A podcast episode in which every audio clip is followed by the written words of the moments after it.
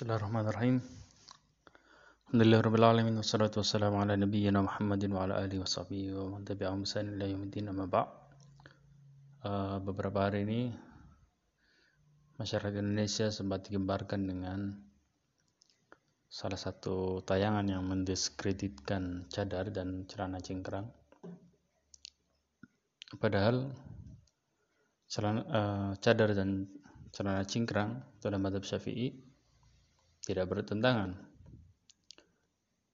Uh, misalnya cadar pada perempuan. Cadar pada perempuan dalam madhab syafi'i justru itu adalah pendapat yang mu'tamad atau pendapat yang resmi dalam madhab syafi'i. Kemudian adapun uh, celana cingkrang atau tidak isbal dalam madhab syafi'i itu juga tidak bertentangan karena justru itu yang dianjurkan.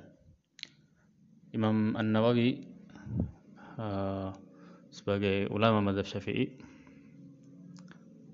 beliau pernah mengatakan dalam uh, sarah sahih muslim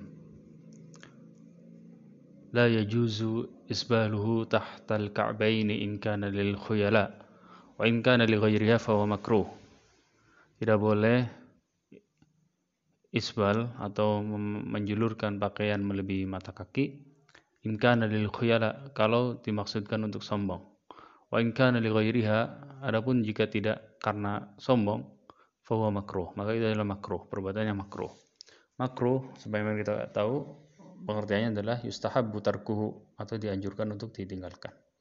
Jadi celana cingkrang atau tidak isbal adalah perkara yang dianjurkan walaupun tidak sampai jatuhnya kepada wajib Berbeda dengan madhab Hambali yang e, menganggap bahwasanya isbal itu haram.